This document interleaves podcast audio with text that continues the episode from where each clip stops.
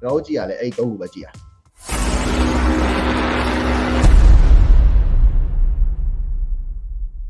ကိုအောင်သူရဦးမေးထားတာက fan page ကမှလေးရောက်သိချင်လို့ပါကျွန်တော် web ပြီးစမ်းကြည့်ရ page ရှေ comment လုပ်တာတွေ commenter နဲ့ comment လုပ်တာတွေ best to time best time to post လုပ်တာတွေပဲကြည့်ကြပါလေတဲ့အဲတခြားအကျိုးရှိအောင်ဘယ်လိုလေးခက်သုံးလို့ရမလဲဆိုတော့ပြပြလို့ရနိုင်မလားတဲ့ပြီးတော့ discovery ဆိုတာလေးနဲ့ text ဆိုတာလေးဘယ်လိုသုံးရလဲဆိုတော့မသိလို့မသိဆိုဘယ်လိုသုံးရလဲဆိုတာလေးနားမလည်ဖြစ်နေရဆိုတော့ discovery နဲ့ tag ကတော့ bro ကျွန်တော်တို့မြန်မာနိုင်ငံမှာအဲ့လိုကြီး effective မဖြစ်ဘူးကျွန်တော်တို့ကြည့်ရလဲအဲ့ဒီသုံးခုပဲကြည့်ရ right ကျွန်တော်တို့ page insight တွေကြည့်တယ်အာပြီးလို့ရှိရင် competitor insight တွေကြည့်တယ်အာ best to time တော့ကျွန်တော်အဲ့လိုကြီးမကြည့်ပါဘူး best to time က best time to post ကည7နိုင်နဲ့